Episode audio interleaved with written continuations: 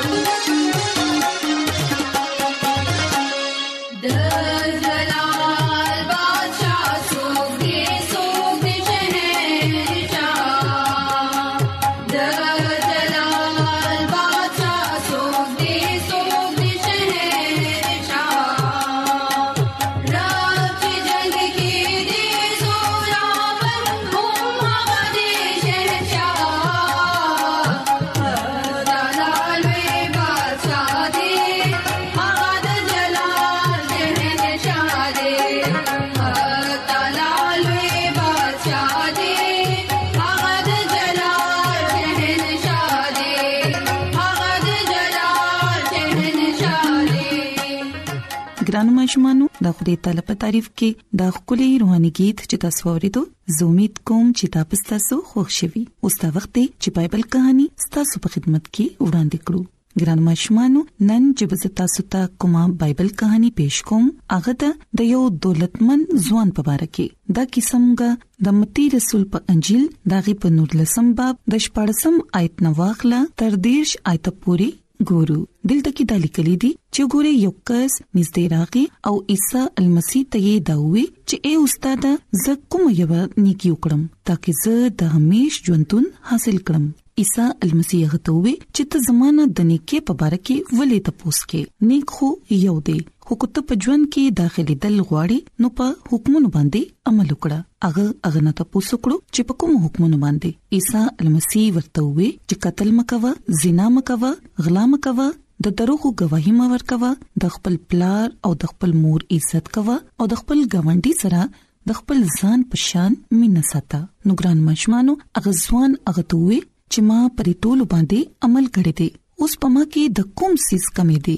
عیسی مسیح هغه ته وې کوچري ته کامل جوړې دلغواړي نو ورشه خپل ټول مال خرڅ کړه او په غریبانانو کې تقسیم کړه تا ته په پاسمان باندې یو خزانه ملاويږي او بیا راشه او ما پسې شه خو ګران ماشومانو اغزوان چې دا خبره ووري ده نو ډیر زیات خپشو او لاړو ولې چې هغه یو مالدار انسان او ګران ماشومانو عیسی مسیح په دغه وخت کې خپل شاګردانو ته دا وی چې زه تاسو ته اړتیا ویم چې د مالدار د اسمان په بچای کې داخلي دل داسې ګران دي او بیا زه تاسو ته دا ویم چې د اوخ د ستن په سوکې کې ننوتل د دې نه آسان دي خو دولتمن به د خوده په بچای کې داخل نشي او شاګردانو چې دا هر څه ووریدل نو ډیر زیات حیران شول او وی ویل چې بیا به څوک خلاصون حاصل کړي عیسی مسیح اغي طرف ته وکتل او وی ویل چې دا د خلکو نه خونه شي کېدی خو خدای تعالی هر څه کولی شي په دې باندې پترس جواب ورکړو او هغه ته یې وی چې ګوره مونږ خو هر څه پرې خودل او تا پسې شو نو مونږ ته بس ملاويږي عيسى مسیح هغه ته وی چې زه تاسو ته اړتیا اړتیا ویم چې کله به ابن ادم په نوې پیدایښ کې د خپل جلال په تخت باندې کینی نو تاسو به هم زما سره پاغه تخت باندې کینی او د اسرایل د 12 قبيلو انصاف وکوي او چې چا کورونو یا درونو خويندو یا د مور یا د پلار یا ماشومانو یا پټي زما په نوم باندې پریخي دي اغه ته په دینه زیات ملاويږي او هغه به د همیش د ژوندون وارثان جوړيږي خو ډیر اول به اخر شي او اخر به اول شي ګران ماشومانو په دې کہانی کې موږ ګورو چې دا دولتمن چې وو دا عیسی مسیح راغلی دی او دا غنه تپوس کوي چې زه سوکم چې د همیشه ژوند حاصل کم خو ګران ماشومانو عیسی المسیح هغه ته دا وی چې ته په حکمونو باندې عمل وکړه خو هغه وی چې ما په دې ټول حکمونو باندې عمل کړی دی خو چې کله عیسی المسی هغه ته وی چې ورشه خپل مال دولت خرڅ کړه او په غریبانو کې تقسیم کړه نو تا ته په اسمان باندې خزانه ملاويږي او بیا راشه او ما پسې شه خو موږ ګورو چې ځوان چې کله دا خبره ووري ده نو غډیر زیات خپشو او لاړو ولې چې هغه یو مالدار انسانو ګران ماشومان موږ ګورو چې نن سبا په دې دنیا کې هر یو کس په مال او په دولت پسې ګرځي هر یو انسان د دې دنیا عيش عشرت غواړي او غواړي چې زما په ژوند کې دې هر قسمه آرام وي او دا دولت دې چیرې هم زمانہ جدا نشي او د دې مال دولت حاصلولو لپاره بیا موږ هر قسمه جایز او ناجایز کارونه کوو زیات تر موږ داسې کارونه کوو کوم چې د خدای تعالی نه دی خوښ او په دې غلطو طریقو باندې موږ ځان له مال او دولت را یوځای کو او بیا موږ په دې مال او دولت کې دومره مصروف شو چې بیا موږ ته د خدای تعالی او داغه د کلام د خبرو هیڅ خیال نه وي او بیا موږ نه خپل دوا کو نه خپل عبادت کو بلکې د دنیا په دې رڼا کې په دې عيش عشرت کې مونږه خوشاله یو خو مونږ ګورو چې په کلام مقدس کې مونږ ته دا خبره ملاويږي چې عیسی مسیح مونږ ته دا وایي چې دا خپل ارث خرڅ کړه او غریبانو کې تقسیم کړه نو تا ته په اسمان باندې خزانه ملاويږي ګران ماشومان موږ ګورو چې نن د خلکو د پاره دا هر څه کول ډیر ګران کار دی هیڅ څوک خپل دولت د ځان نه جدا کول نه غواړي بلکې نور نور دولت هم حاصلول غواړي خو موږ ګورو چې په کلام مقدس کې موږ ته دا تاکید شوی دی موږ ته خدای تعالی دا حکم راکړی دی چې تاسو غریبانو خیال هم ساتئ نو موږ ته دا پکار دي چې موږ سره کومال دولت زیات دي نو موږ دې پاغي کې د غریبانو خلکو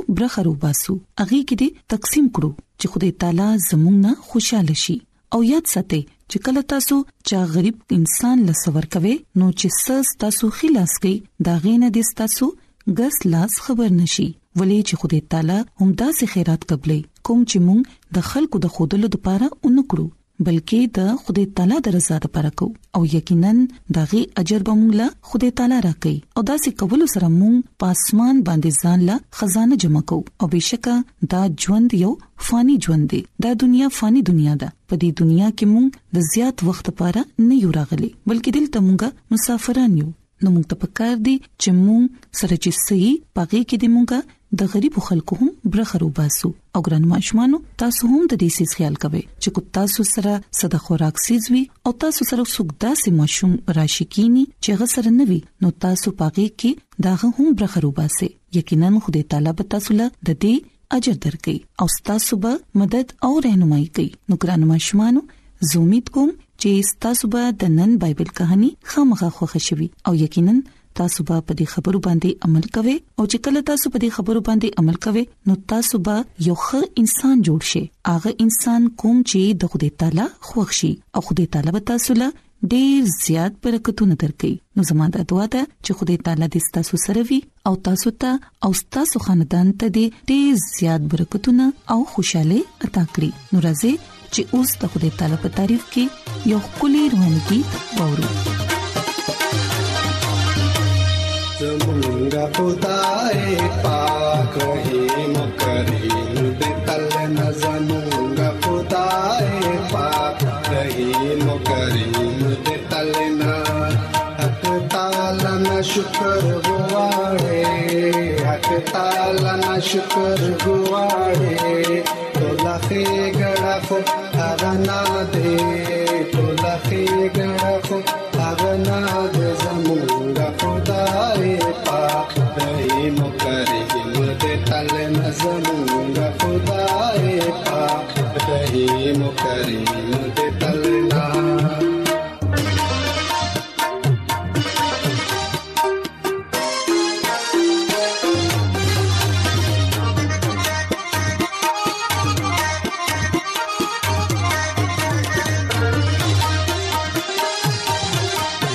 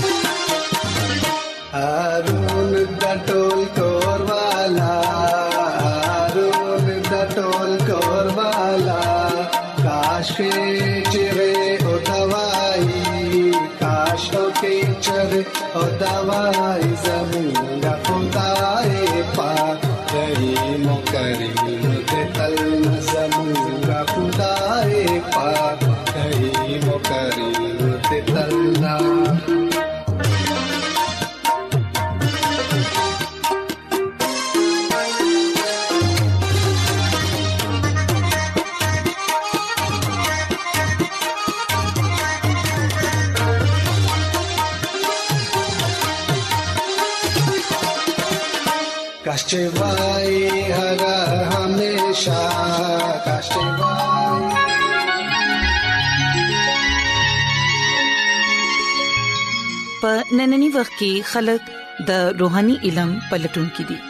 هغوی په دې پریشان دنیا کې د خوشاله خوښش لري او خوشخبری دادا چې بایبل مقدس ستاسو د ژوند مقاصد ظاهروي په ای ډبلیو آر کې هم تاسو ته د خدای پاک کلام خایو چې کومه پخپل ځان کې گواہی لري د خط لیکلو د پاره زموږ پته نوٹ کړئ انچارج پروگرام صداي امید پوسټ باکس نمبر 22 لاهور پاکستان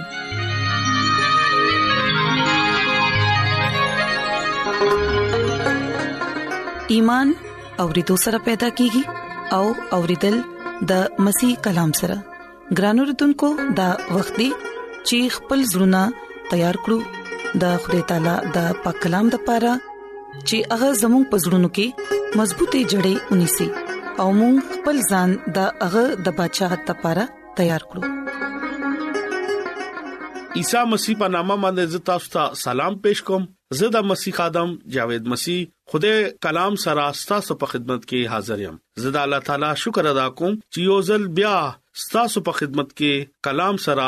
ستاسو په مخ کې حاضر یم راځي خپل روحاني ترقه او جسمانی ترقه لپاره د خوده کلام اورو نن چې مونږه کم خبره باندې غور او خوش کو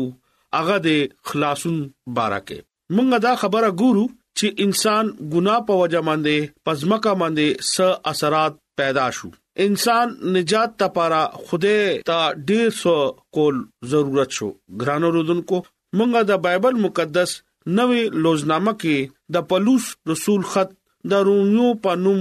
دغه پنځم باب او دغه دولسم آیت کې مونږ دلته ګورو چې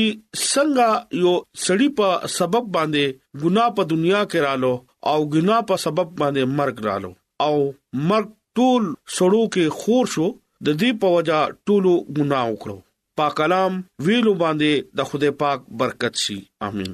ګران اوردونکو موږ د بایبل مقدس ډیر واضح انداز باندې دا خبر ګورو چې یو سړی په وجه باندې ګناه په دنیا کې رالو او ګناه په وجه باندې مرګ رالو بایبل مقدس کې موږ دا خبره ګورو چې آدم او حوا په وجه باندې په دې دنیا کې ګناه رااله ولې چې آدم او حوا د خوده اولنې مخلوقو د چا د پاره خوده باغ عدن جوړ کړو دا اولنې انسانو چې خوده خپل لاس سره جوړ کړو او بیا د ژوند دم لکه روح ولا ورکړو منګه ګورو چې ګناه په وجه باندې په دنیا کې مرګ رالو ګرانو رودونکو چې کله انسان ګناه وکړو او انسان د خوده حکم مات کړو او انسان د خوده نافرمانی وکړه او انسان باغ عدن کې به اوسېدو او خدای ورته دا ویلو چې ټول د اونو میوه ته خړل شي او یو اونه چې دا دغه خ او د بد پہچان ورته اوخولا دا هغه اونه ده چې دینه به ته دا میوه نه خوري مونږه ګورو د خدای منکولو باوجود انسان خپل منمرزي وکړه او د خدای حکم مات کو او هغه اونی میوه وخوړه چې کوم خدای منع کړو ګرانو رودونکو انسان ګناه کې وګرځیدو او انسان ګناه وکړه او انسان ګناه په وجه باندې د خدای نه بیا پټېدو هغه ټیم مونږ ګورو چې اسمان باندې د غم فضا ډک شو او خدای ډېر لوی غم وکړو او د خدای د دې خبره ډېر زیات افسوس وشو چې انسان خدای خپل جلال د پاره خپل تعریف ته پاره غ جوړ کړو کوم انسان د خدای جوړ کړو دغه قربت کې پاتې شي هغه سره رفاقت وساتي دغه نوم لا عزت او جلال ورکوي انسان د خدای نافرمانی وکړه د خدای حکم مات کو ګنا په وجه باندې انسان د خدای نه لری شو ګرانو اوردونکو اسمان باندې د خدای انسان ګناه په وجه باندې افسوس وکړو مونږه ګورو دا خدای خادمه مس ایلن جی وایټ خپل کتاب قدیمی ابای بزرگ و انبیا صفه نمبر یو کم 50 کې دا خبره لیکي چې انسان ګناه کې وګرځیدو دغه په وجه باندې اسمان باندې غم وشو او کوم دنیا خدای خپل لاس سره جوړ کړو دا ګناه لعنت نه داغدار شو داسې بشیندې پکې آباد شو چې اغي باندې ار ټیم د غم تکلیف او د مرګ داوا صادر شو چې کوم د خدای شریعت خلاف ورزي کوي دغي رهایی لارا نشتا فرشتو حمد او ثنا کولا د خدای شکرګزاري یا حمد او ستایش کولو بند کړو آسماني بارګاهون باندې د ګنا په سبب باندې